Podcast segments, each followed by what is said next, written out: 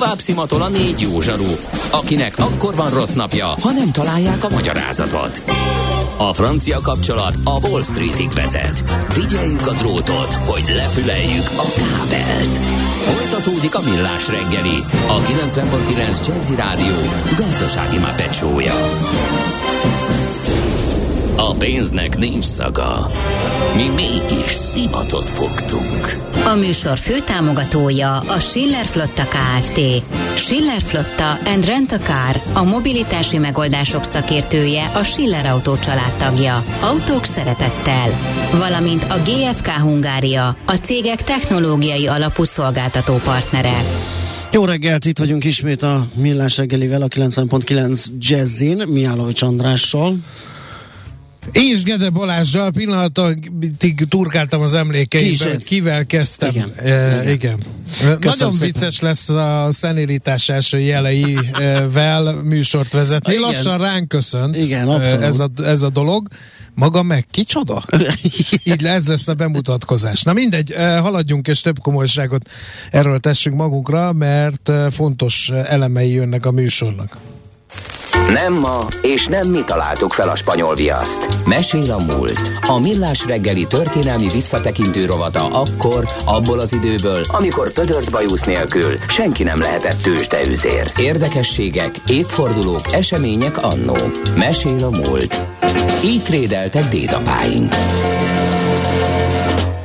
Hát egy óriási történet következik Hugonai Vilmáról, a halálának századik évfordulója alkalmából beszélünk majd róla, de természetesen az életét fogjuk feleveníteni, hiszen egy, egy rettentő, erős, akaratos, céltudatos asszonyról van szó. Katona Csaba történész segítségével elevenítjük fel az alakját. Szia, jó reggelt! Szervusztok, jó reggelt kívánok! Nos, hát ugye az orvossá válásának rögös útja az, ami gyakorlatilag az egész életét végig kísérte, és hát ez magyar orvosi diplomát szerezni egész későn sikerült neki, abból kifolyólag, hogy nő. Pontosan, tehát, hogyha a Hugonai Vilma életútját megpróbáljuk végigtekinteni, akkor arra a következtetésre kell jutnunk, hogy példát mutatott arra nézve, hogy egy rendkívül megalázó helyzetek sorából hogyan tudott épp lélekkel kijönni valaki, és keresztül vinni egy több évtizeden át, hogy is mondjam, csak több évtizeden át úgy táplált vágyat megvalósítani, amire korábban nem adtak neki lehetőséget, de ahelyett, hogy frusztrációba ölte volna a csalódását, végső soron megvalósította azt, amiért küzdött, és ezzel példát tudott mutatni nagyon-nagyon sok embernek. Akkor azt mondom, hogy megalázó helyzet, akkor én itt arra gondolok, minden hátrány, ami őt érte, az abból fakad, hogy nő volt.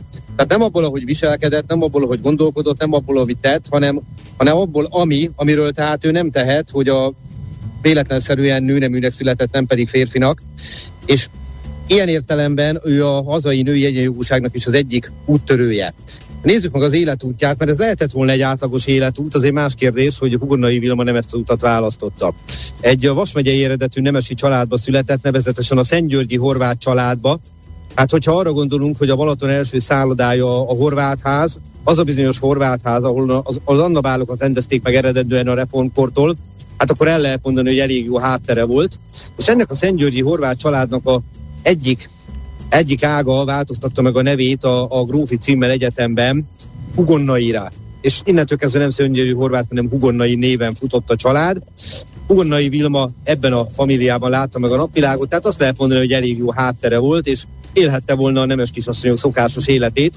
Igazából úgy is estet, hogy azt fogja élni. Ugye 1844. szeptember 30-án született, és fiatalon, nagyon fiatalon férhez ment, egy Szilasi György nevű úriemberhez, aki egy ilyen kicsit rúd és kicsit mixátos gentrinek a arhetípusa volt. Lóversenyzett, kergette a nőket, nem neki való volt a családi élet, és akkor még finoman fogalmaztam.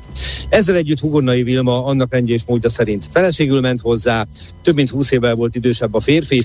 Gyanítom, nem volt választása abban az időben nőként, hogy kihez megy férjhez.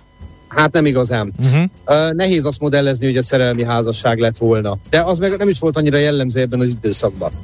Ja, a házasság, a fiatal házaspárnak az útja Pest megyében éltek egyébként, egy Vasad nevű helyen egyebek mellett, de ilyen szokványosnak indult. Született egy gyermekük, az ifjabb György, és aztán történt egy tragédia is az életükbe. Uh, Hugonnai Vilma ikergyermekeknek adott életet, de Béla és Kálmán nagyon-nagyon fiatalon gyakorlatilag a szülés után pár nappal elhunytak.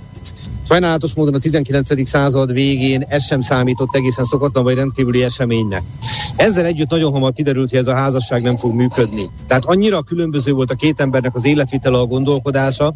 Hugonnai Vilmában volt egy közösségi érzés, segíteni akart az embertársain, tanulni akart, képezni akarta magát, ezzel szemben Szilasi György még valóban a lóversenyekkel volt elfoglalva, meg különféle szoknyák után szaladgált, és így esett, hogy Hugonnai Vilma, akiről följegyezték, hogy már gyerekkorában is azzal játszott, hogy a babái gyógyította, mert hogy kislánként babázott, vette egy nagy levegőt, és belecsapott abba, hogy megpróbál orvosi diplomát szerezni. Na erre Magyarországon nem volt lehetősége nőként. Mit lehet ilyenkor tenni? Fogta magát, és a német nyelvvel nem voltak problémái, külföldön, Zürichben igyekezett diplomát szerezni, és itt egészen kiváló professzorai voltak, csak két nevet említek, Hermann Rózét, illetve Ludi, Edmund Rózét, illetve Ludimár Hermant.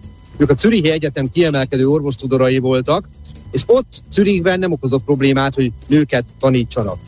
A családja nem ellenezte Hugonai Vilmának ezt a cselekedetét, de nem is támogatta, tehát eladta az ékszereit, pénzét tette az értékeit, és így esett, hogy elvégezte kint az egyetemet, sőt, a professzorai mellett segédorvosként is dolgozott. Most akkor ezt vessük össze azzal a helyzettel, ami Magyarországon volt. És egy idő után meghozza azt a döntést, hogy hazatér, hiszen itthon van a gyermeke.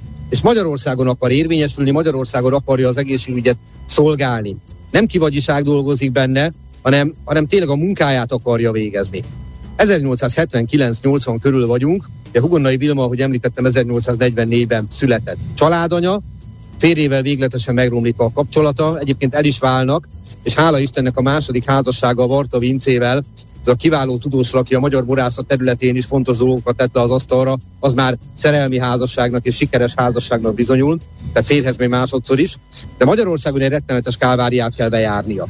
Adná magát a lehetőség, hogy honosítatja az oklevelét, na de nem olyan egyszerű honosítatni Magyarországon ezt a Czürichi oklevelet, mert hogy a következő a helyzet, ahol nincs neki érettségie. Tehát ahhoz, hogy Magyarországon egyáltalán szóba jön az oklevele honosítatása, először érettségit kell tennie. Egy olyan embernek, aki Zürichben elvégezte az orvos egyetemet. Oda ugyanis érettségi nélkül is lehetett menni. És fogja magát, Ugonnai Vilma, fejet hajt, és leérettségizik. Most képzeljük el azt az érettségi vizsgát. Uh-huh. Állítólag a tanári kar elég vegyesen viszonyult hozzá. Volt köztük olyan, aki meg akarta mutatni, hogy egy nőnek még ezt a szintet sem sikerül megugrania. Ők kudarcot vallottak. Megint mások teljes tisztelettel közelítettek hozzá, és úgy kezelték őt, hogy tudják, hogy ez csak egy formalitás, és őszintén sajnálják, hogy ebből a cirkuszba részt kell venniük. Urnai Vilma leérettségizett 1882 között rendkívüli engedéllyel hallgatta a Budapesti Orvosi Egyetem előadásait is, tehát ugye az volt a célja, hogy ennek révén tudja elismertetni az oklevelét, de még ez is kevésnek bizonyult, úgyhogy mit tudott itt tenni, és most figyeljünk, elvégzett egy bába képzőt, és bábaként működött 1880 és 90 között hivatalosan. Azt gondolom, hogy ha van olyan az életben, hogy megalázó helyzet, hát ez az.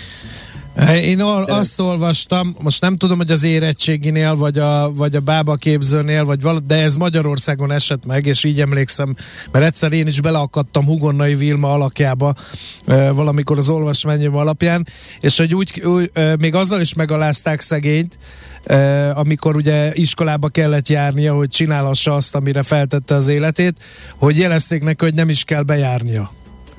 Tehát, hogy Igen, járhat, járhat, most nem tudom, hogy az érettségére vagy már a bába képzelre, hogy járjon nyugodtan az iskolába, iratkozzon be, de nem kell bejárnia, megkapja a papírt. Nem, én úgy tudom, hogy az, az már a, az itthoni egyetemen volt, és nem feltétlenül megalázó, hanem ott már ugye gyakorlatilag teljesen partnerként és, és orvostársként kezelték. Ez a harmadik kísérlete során történt, ugyanis az volt, hogy amikor 1895-ben végre engedélyezték, hogy nők is diplomát szeretessenek Magyarországon, akkor nem számították be neki sem Zürihet, nem számították be neki 1880 és 82 között azt, hogy az egyetemre járt, uh-huh. hanem annyi engedélyt kapott, hogy csak a szigorlatokat kell letennie. Ami azért hozzáteszem, hogy ebben is van némi, hogy is mondjam, csak orrompöckölés, mert az egy dolog, hogy nem kellett már az órákra bejárni, ahol régeség órákat kellett ja, volna így tartania. volt, aha, akkor rosszul emlékeztem de a szigorlatokra be kellett mennie, viszont a szigorlaton a kollégái a fennmaradt feljegyzések szerint tisztelettel kezelték. Például Korányi Frigyes, amikor úgymond a szigorlaton vizsgáztatta, akkor úgy jött ki a vizsgáról, hogy azt mondta, hogy kérem szépen egy kollégával beszélgettem. Tehát megadta neki ezt a respektet. Uh-huh és 1895-től így lett ő az első magyar női diplomás orvos. Tegyük hozzá, hogy ha az emlékezetem nem csal, ő volt a második érettségizett magyar nő, mert az egy dolog, hogy előtte járt leánynevelő intézetekbe, de ugye az nem az érettségi. És innentől kezdve aztán végre orvosként tudott működni, működésének szintere Budapest, illetve Balaton. De akkor már 50 volt. éves. 50 éves, így van. 50 éves, és nem véletlenül kezdtem azzal ezt a mai kis performance, hogy gondoljuk bele, hogy hány évtized küzdelem van a mögött, és uh, durcáskodhatott volna, feladhatta volna, a depresszióba süllyedhetett volna, nem tette, hanem konok következetességgel és abszolút pozitív makadsággal végigjárta azt az utat, amit, amit kijelöltek számára, és át tudta törni a falat. Most ezzel azt gondolom, hogy igazán másoknak teremtett lehetőséget arra. Tehát az az út, amit ő, amit ő kitaposott, az az ösvény, amit kitaposott, azon ugye az út a nők vadai indultak el, hála Istennek, és ne felejtsük el azt sem, hogy például egyébként a második férjével baráti kapcsolatot tápoló Trefort Ágoston, mint kultuszminiszter, az évek mellett ilyen gondolatokat is megfogalmazott, hogy azért nem szabad a nőket a felsőoktatásba engedni, mert akkor teljesen összezavarnák a társadalmat. Tehát Igen. innen kellett odáig eljutni hogy ő ezt meg tudja tenni. És rögtön tegyük hozzá, ugye 1922. március 25-én halt meg, hogy nem volt tőle, nem áll tőle távol a további úgymond képzés gondolata sem, mert az első világháborúban igyekezett segíteni a megsebesült katonáknak révén orvos, és még akkor is elvégzett valami nem is tudom milyen képzést, ami kifejezetten a hadisérülteknek az ellátását segítette. Tehát akkor se durcáskodott, hanem hogyha ezt kell hozzá, hogy segítessek, akkor megtette. Tulajdonképpen azt kell mondjam, hogy Hugonnai Vilma végső soron révbe ért, azért ezzel együtt az életét még egy tragédia szegélyezte. 40 évesen, tehát viszonylag idős korában született egy gyermek a második házasságából is, Lassís Gyulától, illetve Varta Vincétől. Őt úgy hívták, hogy Varta Vilma, és Varta Vilmának sajnálatos módon rövid élet adatot 20 éves korában halt meg Abbázia városába, ott is temették el Horvátországban, Voloszkóban.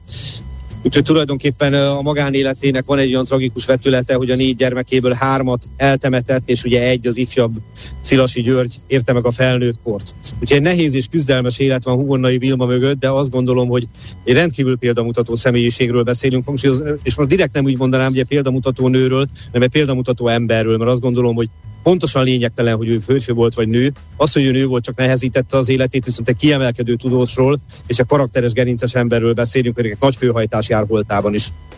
Abszolút. Hát nagyon szépen köszönjük, hogy megemlékeztünk róla.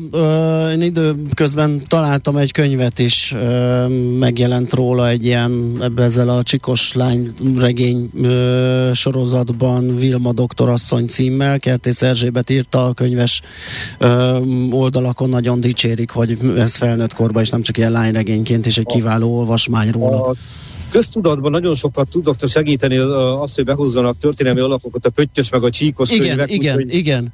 És én bevallom férfiasan fiú létemre is egy jó néhányat olvastam, közülük a lányok megfalták. Igen. Szerintem a Delphi sorozat mellé bátran oda tehető a mi nemzedékünket tekintve ez a könyvsorozat. Abszolút. Csaba, nagyon szépen köszönjük ezt a beszélgetést is. Jó munkát, szép napot neked. Én köszönöm a figyelmet, szia, szia. nektek. Sziasztok! Katona Csaba történésszel beszélgettünk Hugonnai Vilma életútjáról. Mesél a múlt robotunk hangzott el. Kövesd a múlt gazdasági és tőzsdei eseményeit kedd reggelenként a Millás reggeliben. Tőzsdei és pénzügyi hírek a 90.9 jazz az Equilor befektetési ZRT szakértőjétől. Equilor, az év befektetési szolgáltatója. Tehát Dávid üzletkötő van itt velünk, szia, jó reggelt! Sziasztok, jó reggelt, üdvözlöm a hallgatókat. Na, hogyan nyitottunk? Tegnap egész jó napja volt Amerikának például, de Európa szerte is jó volt a hangulat. Kis plusz látunk a Kis plusz. budapesti értéktősdén, sőt nem is olyan kicsit igazából, mert másfél százalékos emelkedésbe vagyunk reggel, 1,7 milliárdos forgalom mellett 44.960 ponton áll most a Bux Index, és gyakorlatilag igazából minden vezető részvényünk emelkedni tud, OTP húzza magával az emelkedést, 2,8%-os pluszban a hazai bankpapír 12.365 forinton kereskedik ebben a pillanatban. Hát gyakorlatilag szinte csak az OTP-val volt kereskedés így a reggeli órákban, hiszen az 1 milliárd 690 milliós forgalomból 1 milliárd 300 milliót oh. ki egyedül az OTP. de emelkedni tud egyébként a MOL és a Richter is, fél százalékos pluszban az olajpapírunk 2816 forinton, még egy százalék körüli pluszban a Richter 7325 forinton áll. A Magyar Telekom értéke 405 forint, ez nem változott. Uh-huh. Igazából kereskedés sem volt érdembe benne. És hát, hogy ránézek a kis papírokra, ott sincs most egyelőre nagy izgalom. Egyedül az Opusba látunk még némi emelkedést, 2% körüli pluszban 230 forinton van. Annyira még kis papírnak se mondhatjuk, úgyhogy egyenlőre az OTP viszi el itt van a az izgalmak jelent. Hát látunk már ilyet, és fogunk is. Nagyon egy papíros a Budapesti értéktős, de sajnos, úgyhogy...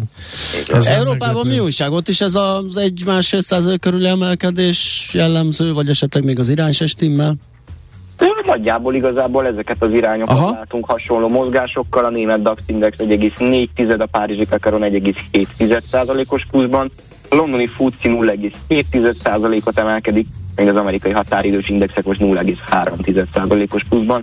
Nagyjából mondhatjuk azt, hogy a nagyobb nyugat-európai indexel együtt mozog a budapesti értéktősde is. És mi újság a forint piacán? Van esetleg valami kis erősödés? Vagy... Pici erősödést látunk, de igazából ez az elmúlt néhány másodpercben indult be így igazából. Reggel hmm. nagyon nem volt mozgás. Most egy euróért jelen pillanatban 373 forint 70 fillért egy dollárért 339 forint 50 fillért kell fizetni a bankközi devizapiacon.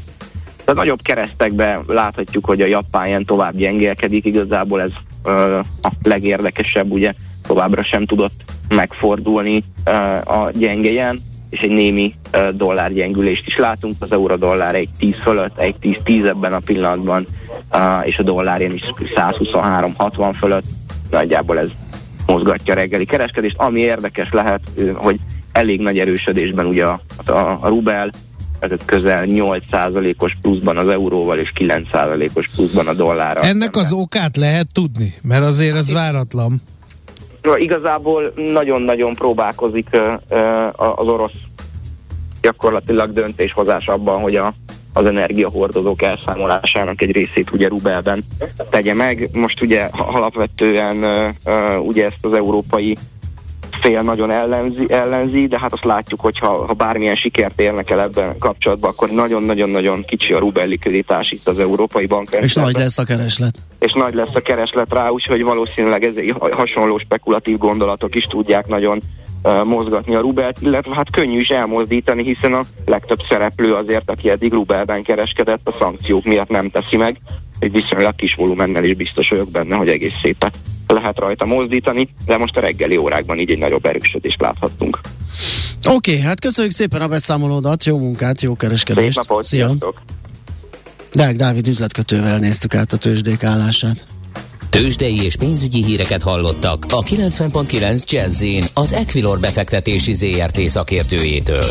Equilor, az év befektetési szolgáltatója. A kultúra, befektetés önmagunkba, a hozam előrevívő gondolatok. Könyv, film, színház, kiállítás, műtárgy, zene.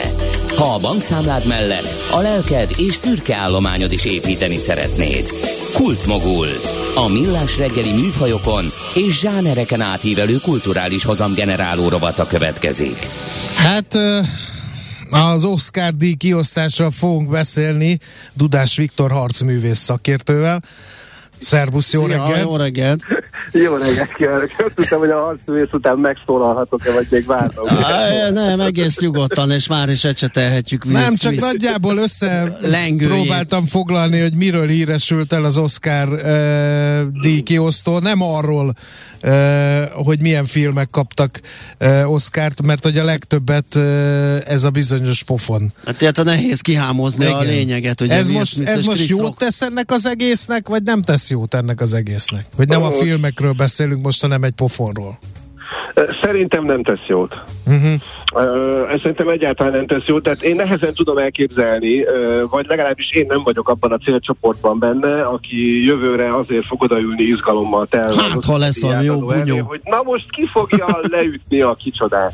Aha, igen. Tehát, hogy ez azt gondolom, hogy most így már 24 óra távlatából némileg, némileg lehiggadva én azt gondolom, hogy a Will Smithnek a, a cselekedete az a pandémia időszak meg a, meg a minden, ami így most körülvesz minket, okozta mentális egészségzavarnak az egyik leg legjobb megnyilvánulása, vagy legjobban látható megnyilvánulása.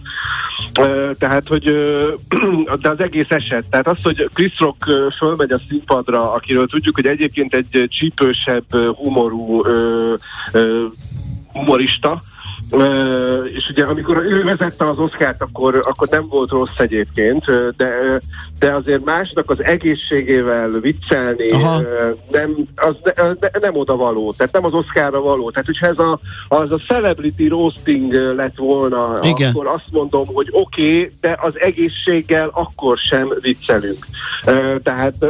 Hát ennek tükrében minimum meglepő, ahogy a hollywoodi hírességek reagáltak erre az egészre. Volt, aki teljesen megüt ütközött, és nagyon komoly szankciókat követel Will Smith ellen, mások meg, meg lapogatták a hátát némi túlzással, hogy hát megértik, és, és az indulatait, és, és talán még a reakcióját is elfogadják. Hát többen, többen az afroamerikai közösségből többen is posztoltak olyat, hogy nagyon jól tettem, mert hogyha nekem is beszólt volna valaki ugyanígy, és hogyha a párom kiment volna és ugyanezt csinálta volna, akkor nagyon-nagyon büszké, büszke lennék rá, és ez életem legbüszkébb napja, hogy a fekete közösség értékeiért valaki kiállt a színpadon. Tehát, hogy van olyan, van olyan érdekcsoport, vagy van olyan közösség, ahol ennek igenis komoly jelentősége van, hogy beszóltál a jobbra, puff, oda megyek, és akkor uh-huh, tehát, hogy, tehát, hogy nyilván nehéz ez, de, de az, egész, az egészben azon túl, hogy ez egy, azon túl, hogy szerintem most itt a Will Smith az egész szakmát pofon vágta. Azon kívül a, a legnagyobb probléma az, hogy eltűnt az elegancia a gyerekek. Igen. Tehát ez a, tehát ez a világ legrangosabb filmes díját. Vörös szőnyeg, nagy estély, pesgő, izé. Igen. igen. De a minden, a minden évben ez, ez a, a divatvilág, a, a szórakoztatóipar leglátványosabb ilyen jellegű eseménye, ahol föl lehet öltözni, és oda lehet menni, és, és meg lehet mutatni a brillt, a ruhát, a, a divatot, a csillogást, a mindent, és ezt most a Bakony Taknyodi Kultúrház ünnepségének a szintjére hozták le hirtelen. Na, és ez, ez nem marad azért egyébként gondolom a szponzorok részéről se, hiszen a, az a márka, amelyik, amelyik ad magára, és, és tényleg ezt az értékrendet képviseli, az nem biztos, hogy megengedheti magának a jövőben, hogy egy olyan eseményen képviseltesse magát, ahol akár ez is benne van a pakliba. De ezt most tegyük félre maga, maga az, hogy Will Smith csinálta ezt a dolgot, az is nagyon pikáns, mert, a, mert a, a, utána meg az akadémia meg is jutalmazta egy olyan filmér, amiben ő, ő bántalmazó, egy családon belüli e, bántalmazó, aztán kiment, e, és a köszönő beszédében a családvédelméről e, szónokod, miközben hát előtte pofon Teljes zűrzavar, amit mondasz. Haló, az... most kikivel van itt, kérem szépen?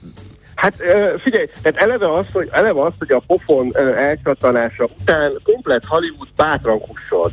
Tehát Igen. ez ö, ö, majd nem egészen 20 perccel utána állva tapsolták a csávót. Tehát, egy, tehát ebből látszik azt, hogy olyan szintű ér, értékzavar van egyébként, a, a levegőben, és komplett szereptévesztésben van mindenki. Tehát ugye a relativizálás, meg a, meg a relativitásoknak a, a periódusát éljük jelen pillanatban. Tehát, hogy most jelen, jelenleg ezáltal minden relatívá lett. Tehát, hogy ja, hát egyébként ki lehet menni, meg lehet pofozni valakit, igen. Meg ja, egyébként utána föl lehet menni, és akkor lehet 7 percen keresztül könnyes szemmel belemondani a kamerába, hogy a család és a szerelem, meg a szeretet az milyen furcsa dolgokat tud előhívni kiszedni az emberből, és egyébként bocsánat, bocsánat, de azt, akit pofán vágtam, attól nem kérek bocsánatot. Már az, az is megtörtént már állítólag, vagy tegnap valamikor. De, de, az, a, de az, aki, de az akit, aki miatt a pofon elcsattant, a feleségéről egy mondatot nem mond a, a köszönő beszédében, hogy kösz, ugye, kösz, megköszöntem mindenkinek, csak a feleségének nem. Uh-huh. Uh, és akkor ugye ez is külön pikáns egyébként, hogy ugye ők már ugye nyilvánvaló, meg minden szempontból egyértelműen nyitott házasságban élnek, és ugye már különböző social media csoportok alakultak arra vonatkozólag, hogy hagyják már abba a, a családi életüknek a kiteregetését a különböző social media platformokon, senki nem kíváncsi rá, hogy ki kivel, meg miért, meg hogyan a vízmiszték házas életébe. Tehát, hogy ennek nagyon-nagyon-nagyon sok sebből vérzik ez, a, ez az egész történet a vízmisztékkel úgy, ahogy van, mert hát mert, ha, ha mit tudom én, ez egy olyan, olyan házaspárral történik, akiknek a, a, a magánéletéről nagyon-nagyon keveset tudunk, és azt csak azt látjuk, hogy, hogy ők mennyire egy szoros pár, és mennyire, mennyire a szerelem oltárán élik a, az életüket, mármint az egymás iránti szerelem oltárán élik, élik az életüket, akkor könnyebben befogadható, Igen. vagy könnyebben magyarázható. De így, amikor valaki egyértelműen nyitott házasságban él, nem akarok én egyik dolog mellett se pártát törni, mert nem vagyok én szociológus, meg nem vagyok én pszichiáter sem, csak, csak hogy az elegancia az, ami ebből az egész dologból úgy unblock hiányzik. Tehát elkezdte a Krisztok, hogy mond egy baromságot, amit nem kéne. A Igen. helyében, ha én lettem volna, akkor felálltam volna ott a helyemen és azért az Oscar, tehát ott bárki bármit megszólal, azonnal ott van a mikrofon a feje fölött, és azt mondta volna a közönségből fölállva, hogy álljunk meg egy pillanatra, Krisz, ezt a poént most légy szíves mond vissza, kérjél bocsánatot a feleségemről, hiszen tudod, hogy beteg, és azért történt ez a hajával, légy szíves, tedd meg, hogy bocsánatot kérsz. Chris, leül a Will Smith, a Chris Rock zavartan, zavartan bocsánatot kér, és felrobban a tapstól, Igen. meg az ovációtól a Dolby Theater. Na most... És erkölcsi győztesen jön ki belőle. Igen, na most a, a, rossz hírem van, Viktor, a magyar hallgatók megértik Will Smith-t, ami engem is meglep egy kicsit, bár nem áll tőlem sem távol, tegyük szívünkre a kezünket. Én is nehezen tűrnék egy ilyen szituációt, be kell valljam. Viszont felmerül, és már nem az első hallgató írja, és bennem is felmerült, hogy most kikockáztam a, a pofont, hogy ez nem egy megtervezett színjáték? Nem, maga a szituáció szerintem, ami ott, amiről beszélünk per pillanat, az egy, az egy baromság lett volna, hogyha ezt tervezi bárki. Szerintem, de nem tudom, Viktor, mit hát gondol? Ez, figyelj, hogyha, hogyha ezt megtervezve csinálták, akkor ez, akkor ez nagyobb, ez nagyobb probléma, Igen. és mélyebb a probléma, mint, mint azt el tudnánk képzelni. Ez olyan, ez olyan szintű, olyan szintű alpárizmus, Igen. ami... Alpári ami, poénra, alpári válasz, kinek, kinek szólna ez, vagy kit akarunk bevinni? Amit, ez, ez, ez a végé, tehát hogyha ezt, ezt valaki, ezt valaki tudatosan megtervezte, és ez mondjuk kiderül, hogy valaki tudatosan megtervezte, akkor az Oscar díját adónak, mint olyannak vége van. Igen. Uh-huh. Biztos vagyok. Na, akkor mi most sem, itt... a, sem, sem a szponzorok felől, sem pedig a közönség felől, uh-huh. ez, ez, sehol, ez, sehol, ez nem védhető, hát ilyen nincsen. Igen.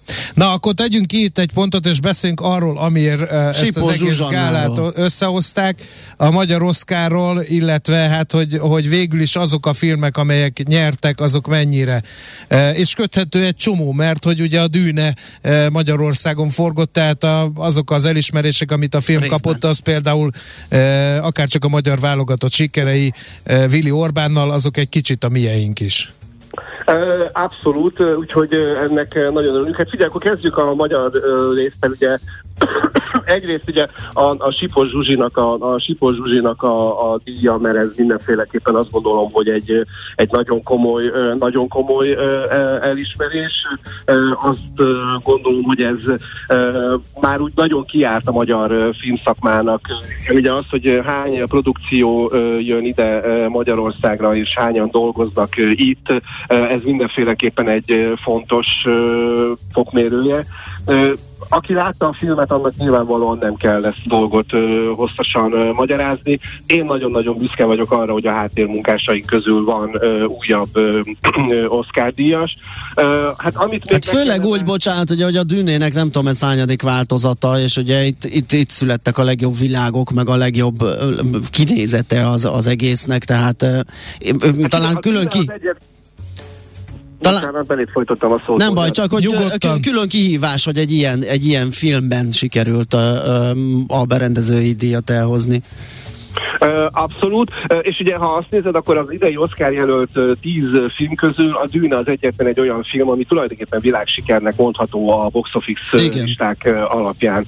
És akkor még egy részben magyar vonatkozású dolog, hogy ugye a Dűne, a Dűne ugye a legjobb hangot is megkapta, és ugye Mac, Mac, Mac Root, aki itt él Magyarországon, magyar felesége van, és ő is Oscar díjat kapott, és ugyan egy bájos akcentussal, de jól beszél magyarul, és ugye neki ez már a negyedik Oscar jelölése volt, mert a Blade Runner 2049-ért, meg a, a mentő, a mentő expedícióért is kapott már Oscar jelölést. Tehát részben mondhatjuk, hogy a McRuth-nak is az Oscar díját egy picit magunkénak érezhetjük, és neki is szívből gratulálunk.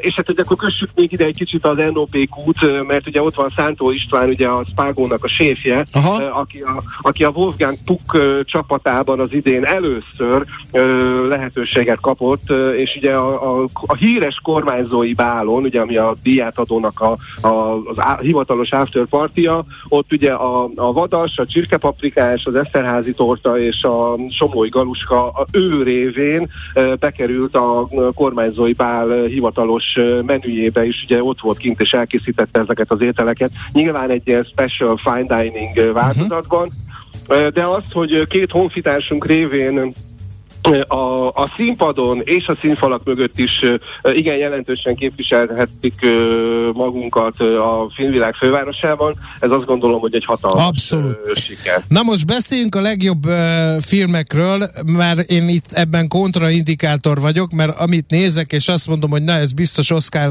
fog kapni, az nem lesz, és idén ez a kutyakarmai között volt. Erről az oldaladról nem is ismertünk, András. Hát nem, a devizapiacon is kontraindikátorként működök, és az OTP papírok tekintetében is. E, akkor most az önvallomások reggelén, akkor ezt is el kell, hogy mondjam. Igen, tehát Nézd, én nagyon örülök a kóda győzelmének. Én titkon erre a filmre tettem le a, a, a voksomat. Lévén azért, mert hogy nekem már évek óta problémát okoz, hogy az Oscar díjas filmeket úgy jó szívvel megnézzem és ajánljam. Tehát, hogy ez a film az, az idei mezőnyből a dűne mellett még meg egy kicsit a, kicsit a Ne fel, és egy picit a West Side Story mellett, amit ha megnéznek bárhol a világon, akkor ugyanazt fogják érteni és gondolni az üzenetéről, amit a rendező mondani akar. A többi filmnél ez egy picit azért véleményes. Hát a kutyakarmai közt olyan ordító dramaturgiai hibákkal van tele, hogy, hogy én még azt is sajnáltam, hogy a Jane Campion ezért megkapta a legjobb rendezés díját, de ez meg elkerülhetetlen volt, mert a, a jelenlegi Hollywoodot, meg a világot bejáró ilyen filmes közhangulatban most egy nőnek mindenféleképpen nyerni kell, függetlenül attól, hogy a, a filmje egyébként mennyire kimagasló, vagy mennyire, mennyire díjra érdemes. Én személy szerint a Kenneth Branagh-nak szívesebben odattam volna a Belfastért a, a Belfastért a legjobb uh-huh. rendezésnek a díját nem teljesen jó szívvel, de, de inkább egyébként látszik is, hogy a legjobb eredeti forgatókönyvet, mert hogy mennyire a szívéből jött ez a történet, és hogy mennyire fontos dolgot akart vele elmesélni, ugye megkapta. De amikor a legjobb adaptált forgatókönyvet megkapta a kóda, akkor én már szinte biztosra vettem, hogy tényleg az es legjobb díját is azt fogja ö, ö, megkapni. Ö, egy olyan film, amit hogyha elkezdesz nézni a tévén évek múlva, akkor is végig fogod nézni, és nem fogsz elkapcsolni. Tehát a kutya karmai közben, ha ne, netán véletlenül belefutnál egy tévécsatornába, fos, hogy elkapcsolsz. Tehát fél óránál tovább nem fogod tudni nézni ezt a, ezt a gyötrődést. Ezt egyszer megnézed, és utána azt mondod, hogy jó, oké, köszönöm szépen, én ebből többet nem kérek. Tehát én még emberrel nem találkoztam, aki azt mondta volna, figyelj, hát akkor akar melyik Jó, igaz. Megvan, hát most amiatt azt tehát, Igaz, de, igaz, de ez egy melbevágó film, és az ember az Oscar uh, díjas filmektől valami ilyesmit vár. Mondom úgy, hogy a Kodát nem láttam, uh, meg a Belfastot sem. A, figyelj, a, a, tehát az, hogy elbevág, az egy, az, egy, az egy dolog, de ha most végignézed az Oscar történetét, azért az utóbbi két évben a, a Nomádok földje, meg az Élősködők volt az, ami ilyen igazán melbevágó film volt, mert még a Holdfény sem volt ennyire, ennyire melbevágó, de hát hol vagyunk már attól, amikor olyan filmművészetileg is, meg, meg üzenetileg is fontos filmeket, mint mondjuk a, az ütközések például, vagy a gyűrűk ura, vagy a, vagy a Titanic, tehát ami, ami miatt a hollywoodi filmeket szeretjük. Tehát, hogy nagyon nehéz, ugye most már az akadémia tagságnak az összetétele miatt is egyébként, hogy most már sokkal nehezebb megjósolni a filmek, hogy melyik filmek nyernek, de az a szomorú, hogy nagyon-nagyon nyílik az olló a közönség által pajzsra emelt filmek, lásd Pókember, meg lásd Dűne, meg amiket az Oscaron jelölnek. Tehát azért az nagyon beszédes, hogy a, a tíz jelölt filmből, ha kiveszed a Dűnét, a Dűne, Dűne keresett körülbelül 500 millió dollár, az összes többi kilenc film az ennek a felét hozta össze uh-huh. a pénztáraknál. Ebben benne van persze az, hogy szolgáltató, meg nem szolgáltató, na de hát azért a vezes helyettem egy gyönyörű film, de három órán keresztül egy Csehov darab próbáját nézni a filmászton, miközben valami emberi történetet is el akarnak neked mesélni, azért az a mai Igen. világban, amikor 10 másodperces TikTok videókon szocializálódunk, azért az nagyon Igen. nagy Nem baj, majd jön Ridley, és Így a van. Napóleon, illetve uh, James Cameron az avatárral, és minden visszazökken a régi mederbe, csak addig kell kibírni. Igen, fél lábon, és kerüljük a pofonokat. Igen. Így van, köszi szépen, Viktor. Szép napot. Én is köszönöm, Szia. szép napot nektek. Sziasztok! Dudás Viktor filmszakértővel értékeltük az idei Oscar átadógálát. Kultmogul. A millás reggeli műfajokon és zsánereken átívelő kulturális hozamgeneráló rovata hangzott el. Fektes be magadba, kulturálódj! Már jöttek is a javaslatok, valaki nemes egyszerűséggel, itt van a bizonyíték, Baláskám, hogy Mike Tyson-t ajánlja a következő Oscar díj gála Az levezető lenne, műsor vezetőjének. És most, hogy uh, mi is növeljük a nézettségünket, hallgatottságunkat. nincsen időnk semmi és másra. Schmidt jön a hírekkel, mindenkinek. vágjon pofon. Köszönjük. Mind azért, amit Pofát. eddig el... Nem, engem vágjon pofon Schmidt Andi. sose tennék. Azért, mert ízléstelenül chat üzenetekkel uh, szívózok vele hetek, Á, hónapok, Azért, mert szeretsz. Na, ezt a adásidőn kívül jó, köszönjük De szépen a megtisztelő figyelmet. a Telex, Schmidt Andi jön a hírekkel, mindenkinek nagyon szép napot kívánok. Sziasztok! Már a véget ért ugyan a műszak, a szolgálat azonban mindig tart, mert minden lében négy kanál. Holnap reggel újra megtöltjük a kávés bögréket, beleharapunk a fánkba és kinyitjuk az aktákat. Addig is, keressetek minket az arcaktákban, a közösségi oldalunkon. A mai adás podcastjét pedig holnapunkon. Millás reggeli, a 90.9 Jazzy Rádió gazdasági mapetsója. Ha csak egy műsorra van időd idén, tégy róla, hogy ez legyen az. Csak egy dolog lenne még. A műsor főtámogatója a Schiller Flotta Kft. Schiller Flotta and Rent a Car, a mobilitási megoldások szakértője, a Schiller Autó családtagja. Autók szeretettel. Valamint a GFK Hungária, a cégek technológiai alapú szolgáltató partnere.